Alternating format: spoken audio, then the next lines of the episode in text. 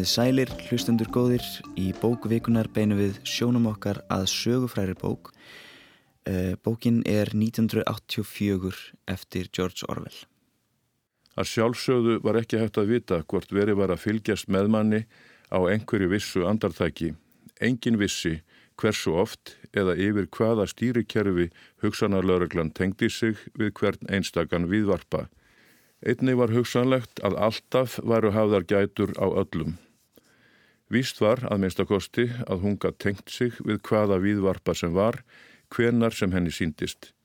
Fólk varð að lifa, lifði raunar af vana sem var orðin að eðlis ávísun út frá þeirri forsendu að hugsanarlauröglan næmi hvert hljóð og grannskoðaði allar þess hreyfingar nema þegar dimt var. Winston snýri baki í viðvarpan, það var örugara þótt hann vissi að jafnvel baksvipur manna geti komið upp um ímislegt. Í kílometra fjarlað gnæfði feiknarstort kvít sannleiksráðuneytið vinnustæður hans yfir óþrifalegu umhverfinu. Þetta, hugsaðan með nokkuru óbeitt, þetta var London, helsta borg flugbröðar nr. 1 sem var þriðja fjölmennasta umdæmi eiga álfu. Hann reyndi að kristja fram í hugan einhverja bernskuminningu sem gæti sagt honum hvort London hefði alltaf verið svona. Hafði sjóndöldarhingurinn alltaf einkennst af grotnandi húsum 19. aldar, útveikjum styrtum með timburstóðum, pappaspjöld fyrir glukkunum, þög bætt með bárjátsbútum og gardagirðingar að leggjast á hliðina af viðhalsleysi. Og staðirnir þar sem hús hafði hrunið fyrir sprengju kalkrikið sveifi í loftinu og dúnurtin skaut rótum á múrsteins rúum eða svæðin þar sem sprengjurnar höfðu rutt starri bletti og upphöfðu sprottið óþverralegar þyrpingar timburhjalla sem voru eins og hænsnakofar. Þetta var þó tilgangslöst, hann myndi það ekki. Ekkert var eftir af æsku hans nema röð bjartra stakra mynda sem áttu ekkert baksvið og voru að mestu óskiljanlegar. Heimsmyndin sem er dreyin upp í skáltsugunni 1984 er vægast sagt myrk. Flokkurinn með stóru effi ræður ríkjum í Eiaálfu sem er eitt af þremur valdamestu ríkjum heimsins. Við heyrum brot úr viðtali við Þórtísi Bakmann, þýðanda bókarinnar, þar sem hún lýsir heimsmynd Orvel. Eh, þetta er samfélag sem að sko borgurum er sagt að þetta séu bestu tímar allra tíma. En all hús er að grotna niður vastleislur springa í hversin sem fristir uh, sögur er svona stagbætt með bárjósbútum uh, hiti og rafmagnir er skampuð og maturinn líka þótt að það kannski ekki maður um ræða að fólk sé svelst eins og gert var í Úgrænu á Stalinstímabilinu gert sem sagt meðvitað og uh, sko svo eru, svo eru sem sagt fræstar, það er mikið af slagorðum sem að uh, við borgararnir eigum bara samstykja frelsir fjötur. Og nú eru þeir hvort sem er að fara afnum á orði frelsi. Þannig að það, það er þetta sko, það er þetta leggja því slagorði að því uh, orðið frelsi það verður ekki til innan skams En þessar fulleringar, þær snúast allar um að allt sé á réttri leið og þeir sem halda öðru fram stjórn bara neikvæðir eða, jafnvel, eins og Brian segir ítrykkað við Winston, veikir að geði að því hann er án tengsla við ennveruleikan. Þetta var Þúrdís Bakmann þýðandi bókarinn 1984 og heimurinn sem hún lýsir, eh, hann er, þetta er myrkur framtíðar heimur sem á hugsanlega gerast 1984, það er alltaf uh, einhver vafi yfir því. Og hann lýsir uh, George Orwell í bóksinni lýsir 1948 í rauninni með, með þessari framtíð. Um, við erum með goða gesti hérna í hljóðstofunni. Það eru uh, Árni Bergmann Rittöfundur og, Katla Holm Pírati. Og Árni, þú getur kannski sagt okkur aðeins um stemninguna sem var ríkjandi þegar George Orwell skrifar þessa bók? Þessi bók er um allræði og fullkomið eftirlit með öllum og uh, þetta dregur náttúrulega mjög dáma af stjórnafæri í, í helstu einræðist ríkjum fyrir aldar En þannig er ástandið þannig að eh, þegar hann er að skrifa þetta 40, 1948 að Hitler er döður en veldi Stalins í Sovjetiríkjunum hefur aldrei verið meira og fer vaksandi. Og þannig eru ímestað þversagnir sem við sjáum í sögunni. Stalin hafi verið bandamað vestuvaldan í gegn Hitler og fekk mikið lof og, og, fyrir og, og enginn gaggrindi hann. Svo allt í einu svo hendir veifa þá er hann orðin verið en Hitler hérnbild og sama gerist í Sovjetiríkjanum gagvart vestrænum bandamönnum og þetta er náttúrulega þetta er sko, þegar þú segir að það verður segja lýsa 48 en ekki 84, þá er þetta tengt þessu samtímanum sko að þetta er kveikjana því að það það, í, í þessum risavöldum þrem í sögunni þá er alltaf verið að skipta um bandamann og ofinn eins og hendis í veifað og, og þetta er kveikjana því. En allavega þá er semst að mikil, mikil ótti við, við e, Sovjetiki Stalins og þannig er byrjað í vegna, vegna þess að kaldastriðið er að byrja að rifja mjög mikið upp það sem gerðist rétt fyrir stríð 36-38 þegar að í Sovjetiríkjónum voru dregni fyrir dóm helstu, ymstir helstu leðtóa byltingarnar og félaga Lenins og látni játa á sig alls konar glæpi og njósnir gegn Sovjetiríkjónum. Og þetta var mikið hjartansmál Orwells vegna þess að annars var hann sosialisti sjálfur og vinstri sinnaður og hins vegar e, mikið fjandmaður stalinismans sem hann hafi kynst í borgarastriðin og spáni. Hann hafi barist þar með litlum e, marxistaflokki sem hétt POM og stalinistar á spáni voru að reynda að koma í þannig fyrir að, að menn POM væri ofsóttir fyrir svik við spanska líðveldi og allt þetta. Og og e, svo er annað sem var til marg sem þess að vinstir mennsku hans er það að þegar, þegar að, það er þetta stef sem kemur alltaf öru kvoru að ef er einhver von um breytingu á þessu skjálfur ástandi þá er það tengt verkalínum, örugunum the proles. Og, og þetta, er í, þetta er í gamlu marxískum anda, þetta er í anda þess lautverk sem að Marx ætlaði, ætlaði hérna. Og svo er, en svo er sko sumt við náttúrulega e, e, eins konar spásögn eins og til dæmis það að í 1984 þá, þá eru all, öll þessi stórvöldi með, með kjarnargúa einmitt. Þau eru að, er, eru að eignast það árið 48 og, og spásögnin er svo að, þau, að þó að sé endalisa styrjaldir á millið þeirra og það er styrjaldirnar sem, sem er höfuð ársök fyrir því að allt er í, allt er í kalda kóli í daglugu lífi að, að þá, þá hérna not, eh, notar enginn hjarnangusbyrjunar. Það er að segja, hann spáir fyrir því sem kallar var með, það er að segja eh, gulltryggð gagkvæm tortíming, skilur. Já, einmitt. einmitt. Já. Og það er einmitt, eh, einhvers staðar heyrði ég lýsingu á, á þessum kaldastrís tíma þar er sko uh, börn á leikvöldum áttu til að fara að gráta einfallega af óta við hugmyndin um kjarnurkursprengi það, það, það er eitthvað sem er kannski fjarlægara eh, næstu kynnslóðum eða, eða fólki sem er á aldri eh, yngra fólki í rauninni er eitthvað áhvert sem þú sérði í bókinni sem sko kalla sem, sem þú tengir við eh, við okkar tíma eða, eða svo leiðis Já, ég hérna mm -hmm. hafði mjög gamna því að lesa bókina og þetta er náttúrulega mjög uh, þessi bóki mikið háið um höfð hjá pýrutum um, og þessi meðferð upplýsinga á þessum tíma er eitthvað sem við sjáum alveg í heiminum í dag líka. Ef maður hugsa um viðvarpan og, og allt þetta þá getur maður borðið það til dæmi saman við all forréttin sem er í smartsímanum okkar þar sem við erum í rauninni bara að gefa eftir okkar enga líf með því að samþykja þessi forrið og ef maður skoðar skilmáluna á þessu forriðum þá er maður í rauninni að gefa samþykki fyrir því að, að fyrirtækin sem eiga þessi forrið geta farið inn í símaðin og náði upplýsingar. Og okkar svona líf á internetinu sem er náttúrulega orðið rosalega viðtækt bara, það er okkar líf. Það er ekkit okkar enga líf lengur og þessi fyrirtæki sem að eiga forritin þau geta náði upplýsingar um okkur og þau geta selta þessar upplýsingar til yfirvalda. Og það náttúrulega er vitað í bandaríkunum þar sem að NSA fylgis með fólki og, og hérna, getur tappað sig inn á hvað sem er hjá fólki, getur bara hlerað án þess að nokkur hafi hugmynd um það.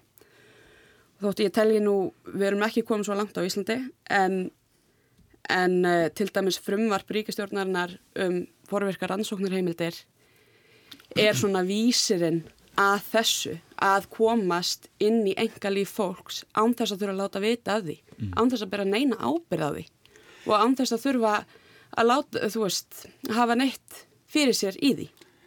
Þa, Það er sko auðvitað verið að fylgjast með okkur og enda er það tækninni til að gera það hefur, hefur fleitt svo fram. Og hún er mjög fullkominn en þarna eru, eru mjög margir svona eins og miður tvekja elda. Annars vegar vilja þeir hafa eftirlitsfélagar og til að koma við fyrir nauganir á þjóðáttíð og til að koma við fyrir hriðjuverk og ég veit ekki hvað og hvað. Og ef þær, þetta eftirlit bregst á það segir mér hvað var lauruglun að hugsa. Svo hindbóið, þá er það svo kallað segir þá viljum mér ekki uh, að þessi riðst inn í þeirra personlega líf. Mm. menn eru svona þarna mitt á milli. En málið er að þetta líkist meira annari frægri sögu heldur en, heldur en 1984 þetta líkist brefin í vold mm -hmm. eftir, eftir, eftir Aldous Huxley þar sem að sko eftirlitið er, er, svona, er ekki tengt þessum, þessum þessari, þessari líkamlu ókn sem, að, sem að er, er hérna í 1984 sko að þegar að, þegar að vera að semja uh, framtíðaskáldsögur um ástand sem er verið nútíminn að þá er ekki verið að segja að þetta verði svona heldur er að vissuleiti verið að spá samt það, það er alltaf tekið eitthvað sem einhver hrætti við í samtíman með einhver, einhver negð og hún er framlengt út, út í framtíðina. Hvað myndi gerast ef allt feir að vesta veg? Það er búin til svona dystopía.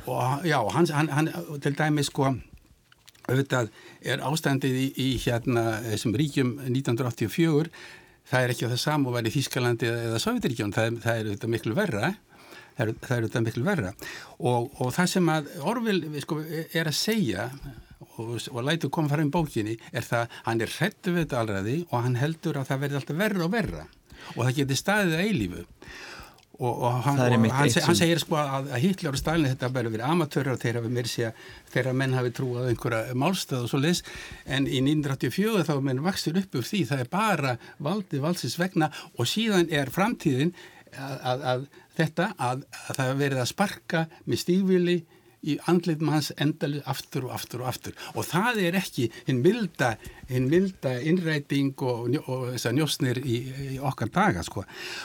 Og hérna það er sagt í sögunni samfélagi að þessu tækjandi tali staði árþúsundum saman en þetta gerist ekki. 56 nokkur árum eftir að bókinni skrifuð þá flytur Krusjov ræðum Stalin og, og tekur stóra bróður af stalli að vera lögu leiti skiljiði og síðan, síðan breyta Sovjetiríkin og svo hrinja þau og, og svona.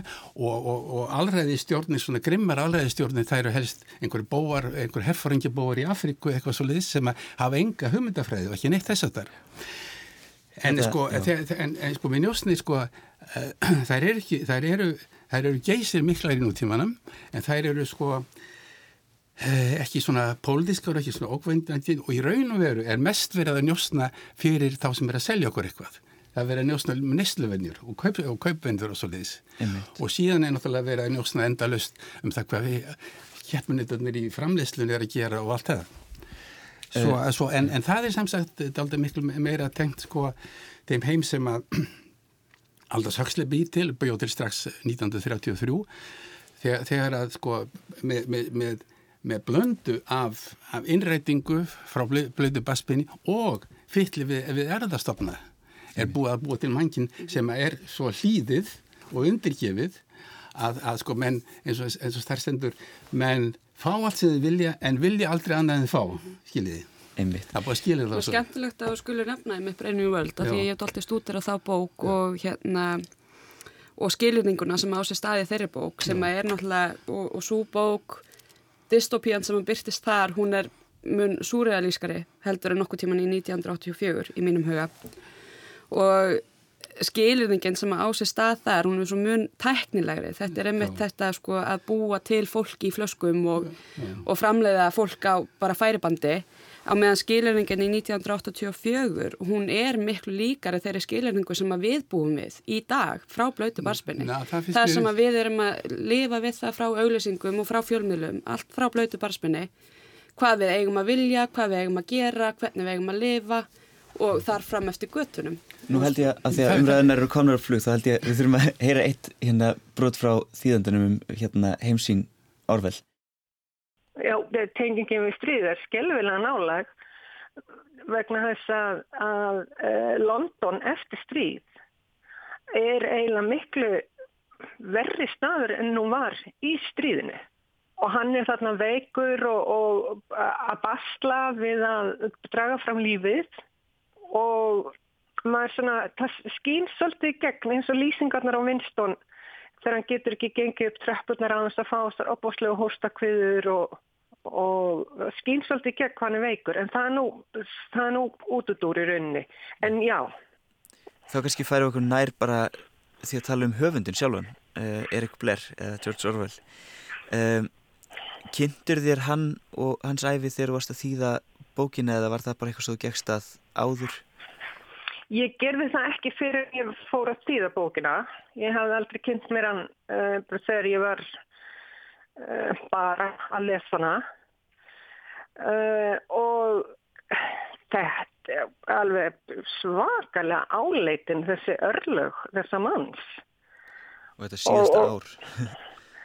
og já, og þessi svona síðustu tvö ár þar sem mann er þarna aðleitna á einhverju útnára eigi Uh, að hita upp með mókaglum reykjandi 60 síkartur á dag berglaveikur uh, og, og nær svo ekki að lifa útkomi bókarinnar. Einmitt. Mér finnst það nefnilega sjást í skrefunum einhvern veginn. Uh, Já, það er þessi, hvað hann er veikur og hvað, er, hvað er af honum dreigið Já. Áttum það, já ég, ég er alveg, ég er svo sammála því að, að e, e, ef þú rínir í 84 á, á, á, út frá því að þá sérði alveg að hann Winston er hann. Já og þannig að bara svo við reynum að draga samtalið aðeins frá Brave New World að því að það er náttúrulega bara efni annað þáttaldi en ég held að svona e, einna munum á, á þessum tveim bókum er kannski nálæðin við líkamlega vannlíðan og og já. ofbeldisfullt stríð. Já, já, þar sem sko þar sem til dæmis eins og kalla, þeir eru að nefna e, njósninar og, og upplýsingarsöfnununa það er kannski eitthvað sem við höfum ekki beina tengingu við á Íslandi í dag. Eða þú veist þar, þar verður einhvers svona munur. Já það er, einmitt, það er svo ríkt í fólki að hugsa ef ég er ekki að gera neitt slæmt ef ég er ekki að gera neitt ólulegt þá hef ég ekkert að óttast, þá má alveg fylgjast með mér en átta sig kannski ekki á því að það gæti farið lengra og lengra og lengra. Og um, einhvers þegar þarf að stoppa. Veist, og hérna yfirvöld þau eiga ekki bara að fá að hafa ótakmarka frelsi til þess að uh, lengja armsinn yfir um, upplýsingasöfnum um líf fólks. Og forvirkur ansóknarheimildinar eru náttúrulega dæmi um þetta en síðan má náttúrulega líka bara nefna eins og uh, þessi hakkara bún, búnaður sem að lauruglan ætlaði að fjárfesta í fyrir einhverju löngu síðan en var bara að koma yfir, á yfirborði nýlega að lauruglan hefur haft tendensi til þess að auka sitt vald án þess að fólk viti af því. Og það er nefnilega merkurinn. Fólk verður að vita sín réttindi og það verður að vita hvað er verið að gera. Að því að uh, annars Í bókinni kemur til dæmis uh, fram í þegar hérna, þau hafa alltaf brent öll blöð mm -hmm. og síðan að vera vittna í blöð sem voru brent þannig að það hefði aðgangað því sem var eitt í rauninni sem kemur svona þar, hefur, þar er alltaf innkomin aðgangur sem, sem hann sem þáttangandi vissi ekki af eða svo leiðis Já sko það, það, er svo, það er svo margt í þessu samöndi við eftirliti hugsaðu ykkur til dæmis þetta með þetta, þetta endurskoðun á dablöðum sem að eh, kom út fyrir löngu og að vera að breyta þeim eftir á og svo framvís þetta verist vera fáranlegt og, og í rauninni ófarmkvæmilegt en við getum tekið þetta sem bara sem, sem svona beisklega og svona sniðu að aðtöða semt við það sem enginnir bæði einstaklinga og valdhafa og það er þörfinn fyrir að hafa alltaf rétt fyrir sér skilur. Þú þarft að, að þakka það sem er, óþ er óþægilegt bæði fyrir þig eða þína stjórnsíslu og svo framvegis. Og í samtli við, við sko veröld nýjó góð eftir Huxley þá þarf hún eiginlega að vera alltaf með vegna þess að, að Huxley tók upp rifrildi beint við Orwell sko hérna nokkrum árum eftir hans döið að skrifa hann bók sem heitir 1984 Revisited og það sem, að, það sem að reyna að sína fram á það var ég sem hafi rétt fyrir mér í Breyfni Vold en ekki Orwell. Þetta, þetta, þetta, þetta alræði, grimma alræði og endalösa Orwells, það rættist ekki, það lesist upp en, en, en, sko, en aðferðir neyslu þjófælisins, auðlýsingaðinarins og innrætingarinnar, þær eru í, í fullum gangi og munu, munu verða, skiljiði. Og í sambandi við sko heimsmynd Orwells, að þá sem sagt uh, uh, sko getur við, getur við sagt sko að hann, hann, hann segir árið 1949 í grein sem hann skrifaði hann segir, hann segir, hann ítrekka þetta ég er ekki að segja að þetta verði svona en, en, en allraðis hugmyndir hafa skotið rótum hjá mentamönnum segir hann, út um allt. Og þess vegna er ég að reyna að sína hvernig röggrétt afleðing af því öll við gæti orðið. En svo er annað sko sem við skulum hafa í huga að þessar dystopíur eða framtíðarhaldvíkjur, það lýsa fyrst og fremst óta hvers tíma, við hvað erum við hrættir á hverjum tíma. Árið 1948 þá erum við hrættir við pólitist alræði og, og pólitiska leinilörglu og þá skrifa, er skrifið bóka eins og þessi. Og, og á þessum tíma er, er, er sko, og, og líka í bók sem var fyrirrennari þessar og kannski eru 1920 í Rúslandi við eftir Samjatin sem er alveg eins byggðuð upp eins og þessi saga með ástasjóðun og öllu saman. Já, það eru oft verið talað um að, að þetta séu svona Já, hann, hann lærði af henni, það er alveg, alveg ölljóst og, og hérna og hérna, uh, þá erum við ótt, óttast meðin sko, feiknilegt skipulag feiknilegt eftirlið og feiknilega grimd en að ekki eftir því ef þið sko, horfið í kringum ykkur núna, hvað er þessar ágættu konur eins og Margaret Atwood, Doris Lessing og, og Tatjana Tolstæði í Rúslandi að skrifa. Það er að skrifa um samfélag þar sem að skipulaði hrunið og tækni líka. Það er allt farið, það er engið sem stjórnar, það, er, það, er, það, er, það fungerir ekki neitt lengur. Mm. Það er skortur og allu og það er eitthvað lífræðileg slís og eins og í Orison Craig eftir Margaret Atwood þá, þá er mannkynnið að, að, að að tortima sjálfu sér með einhverju lífræðilegum tilröðinum og svo. Einmitt. Þannig sko að hverjum tíma þá er eitthvað sem heitir ríkjandi ótti og það er hann sem setur svip sinn á, á staðlesunar. Þá, eh, sko, en það er annað sem er svo áhvert við hérna 1984 í því samhengi að, að einmitt hún tekur svona skýr eh, merki frá, frá Sovjet og frá, einmitt frá þessari skaldsögu við um, en svo er hún líka svo óhugnulega bresk. Já, já. og það er svo margt svo ofbóðslega brest við hvernig sko, hvernig stjættaskiptingi virkar og líka hvernig sko kurtesi, ótti uh, og almenn hegðun og, og orðfar uh, byrtist í bókinni. En uh, bara svona rétt áður en við hérna hlustum á einn lestur hvernig fannst ykkur það komast yfir á, á íslenska tungumál sem hefur síðan, síðan sínar Ég hérna, hef náttúrulega bara lesið þessa bóka á íslensku en ég fletti upp svona hinnum á þessum orðum til þess átta mig á þýðingunni betur og það sem að vafðist þá sérstaklega fyrir mér líka verandi heimsbyggi nemi og, og búin að læra um tvíhyggju mm. um, sem að er náttúrulega bara heimsbyggilegt hugtak sem á rætur sínar allt eftir til Platón. Og að það skulle vera talað um sko doppelþing sem tvíhyggja. Mm -hmm. og þetta rugglaði mig alveg mjög mikið þegar ég var að lesa bókina að því að ég hugsaði stöðugt þetta er ekki tvíhyggja.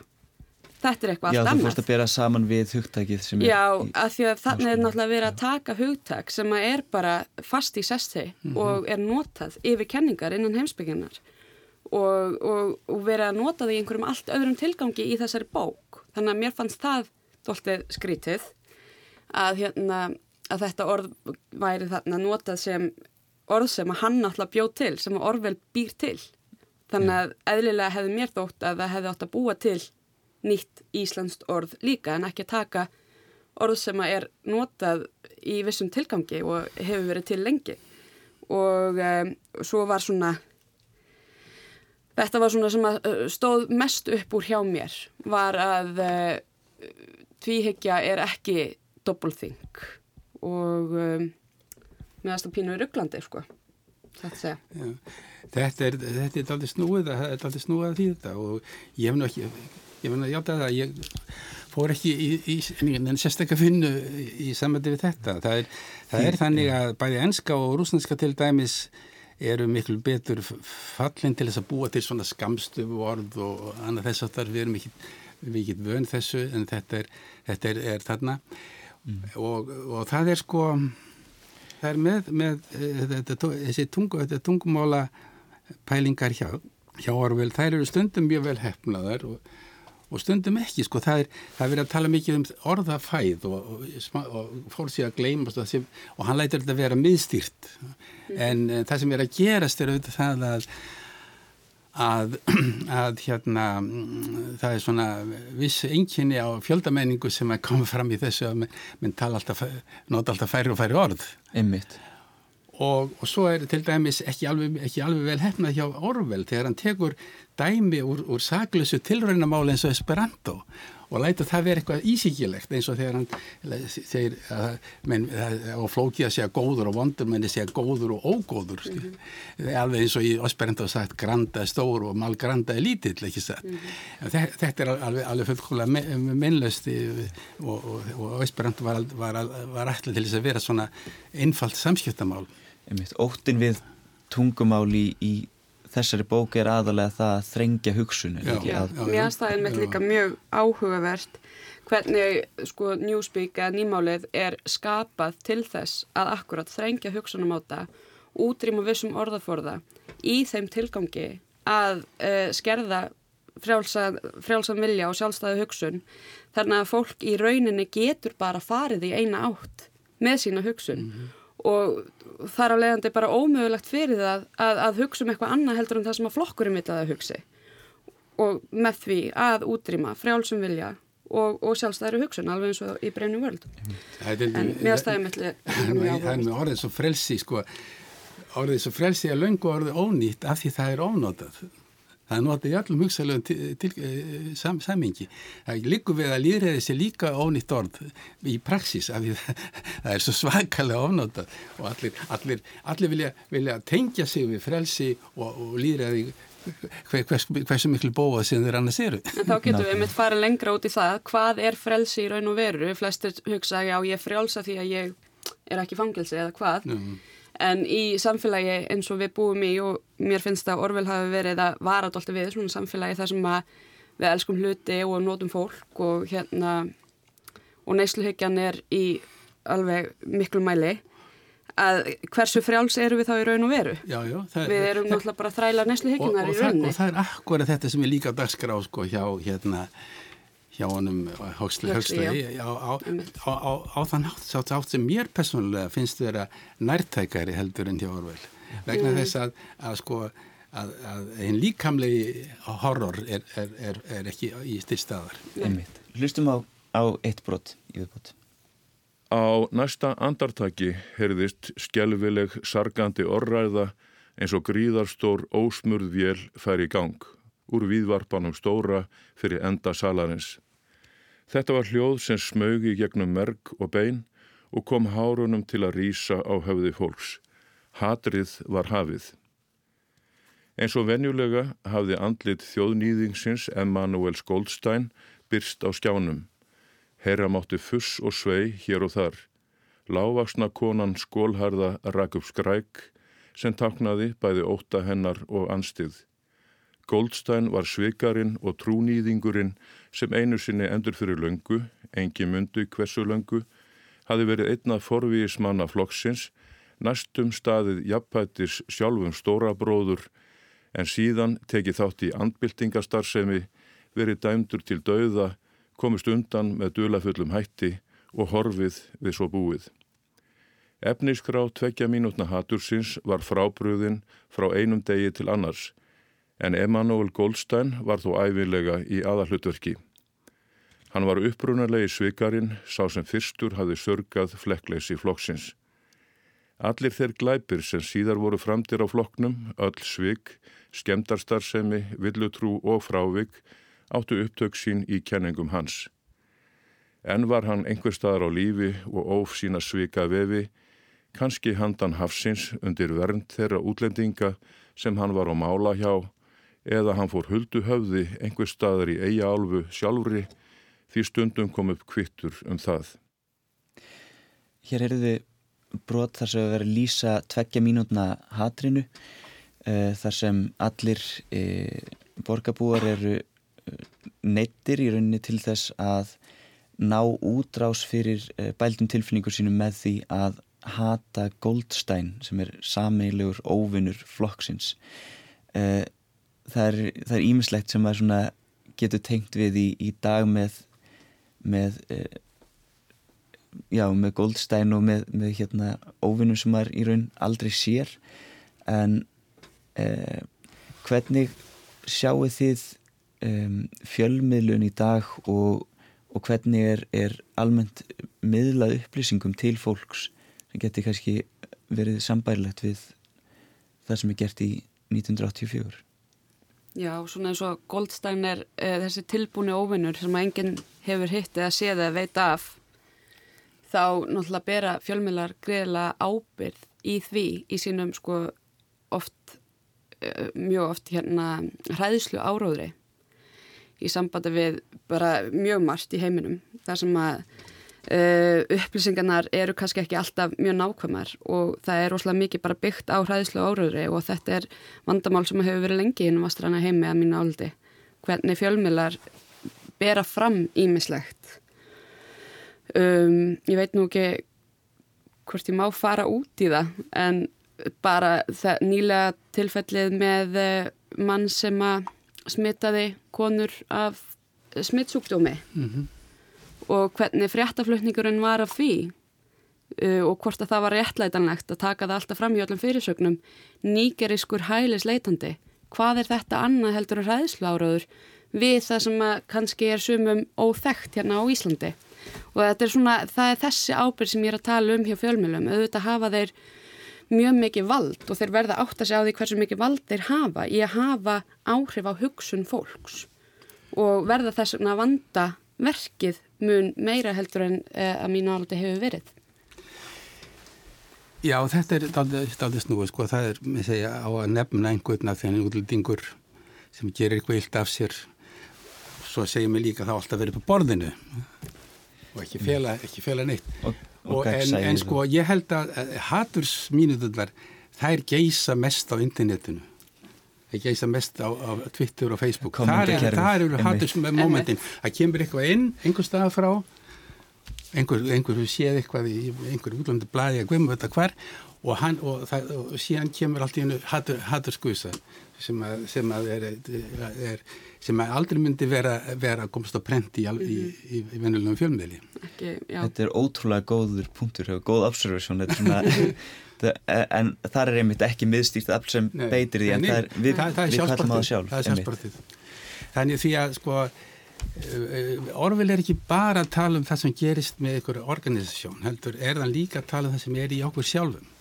Ég var að hugsa um þetta til dæmis um þetta ástafsamband Júliu og Vinstons við höfum sam, samúð með því en þessi, hann grefur undan þessari samúð því hann, hann sko er að búa til eitthvað loka kerfi og síðan er hann í þessu vanda að láta lifandi fólk bregðast við aðstæðum þar. Mm -hmm. og það er, það er skjálfilega erfitt.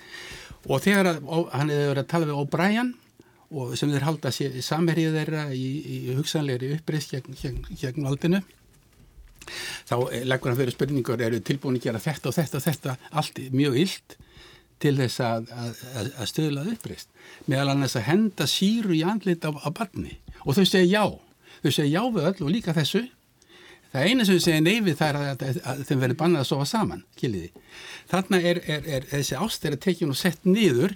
Þú byrjar ekki uppresk í nafni sannleikans að það hella síru í andleita barni skilju, sko, þetta, þetta, þannig, eru vissar fersagnir og, og, og, og þetta það mætti segja mikið um þetta ástæðsamband Og, en það er hvað geysilega mikið er gert á kynlifi og bæling á kynlifi sem er bara líkil atrið í lífi fólks, það er náttúrulega áhrif fröytismans á þessum tíma. Mm. Hann er geysilega mikið, það, sko, að, að hugsa sér fulllegina sem pólitísku uppreist, það er bara, það er bara vegna áhrif af fröytismans. Þannig að það er ógeðslega lýsingar hjá honum uh, á það sem að Winston hugsa um Júliu áður en þau kynnast. Já, já, veist, mjög grafískar og viðbúslega lýsingar á því hvernig honum langar að nöðgana og eitthvað svona þetta Já, það sem blandast ljótt. saman ofbeldi, hatur og kynlíf og, og allar kvartanir. það er af því að- að hann tortir ekki hana fyrirfram. Af því að hann tortir ekki hana Já, það er líka já. annað sem maður svona sér í, í því að lesa bók sem er svona dystopía og er, er svona sín á heiminn að hún hvetur mann einmitt til þess að sjá heiminn, til þess að gaggrínan eða, eða,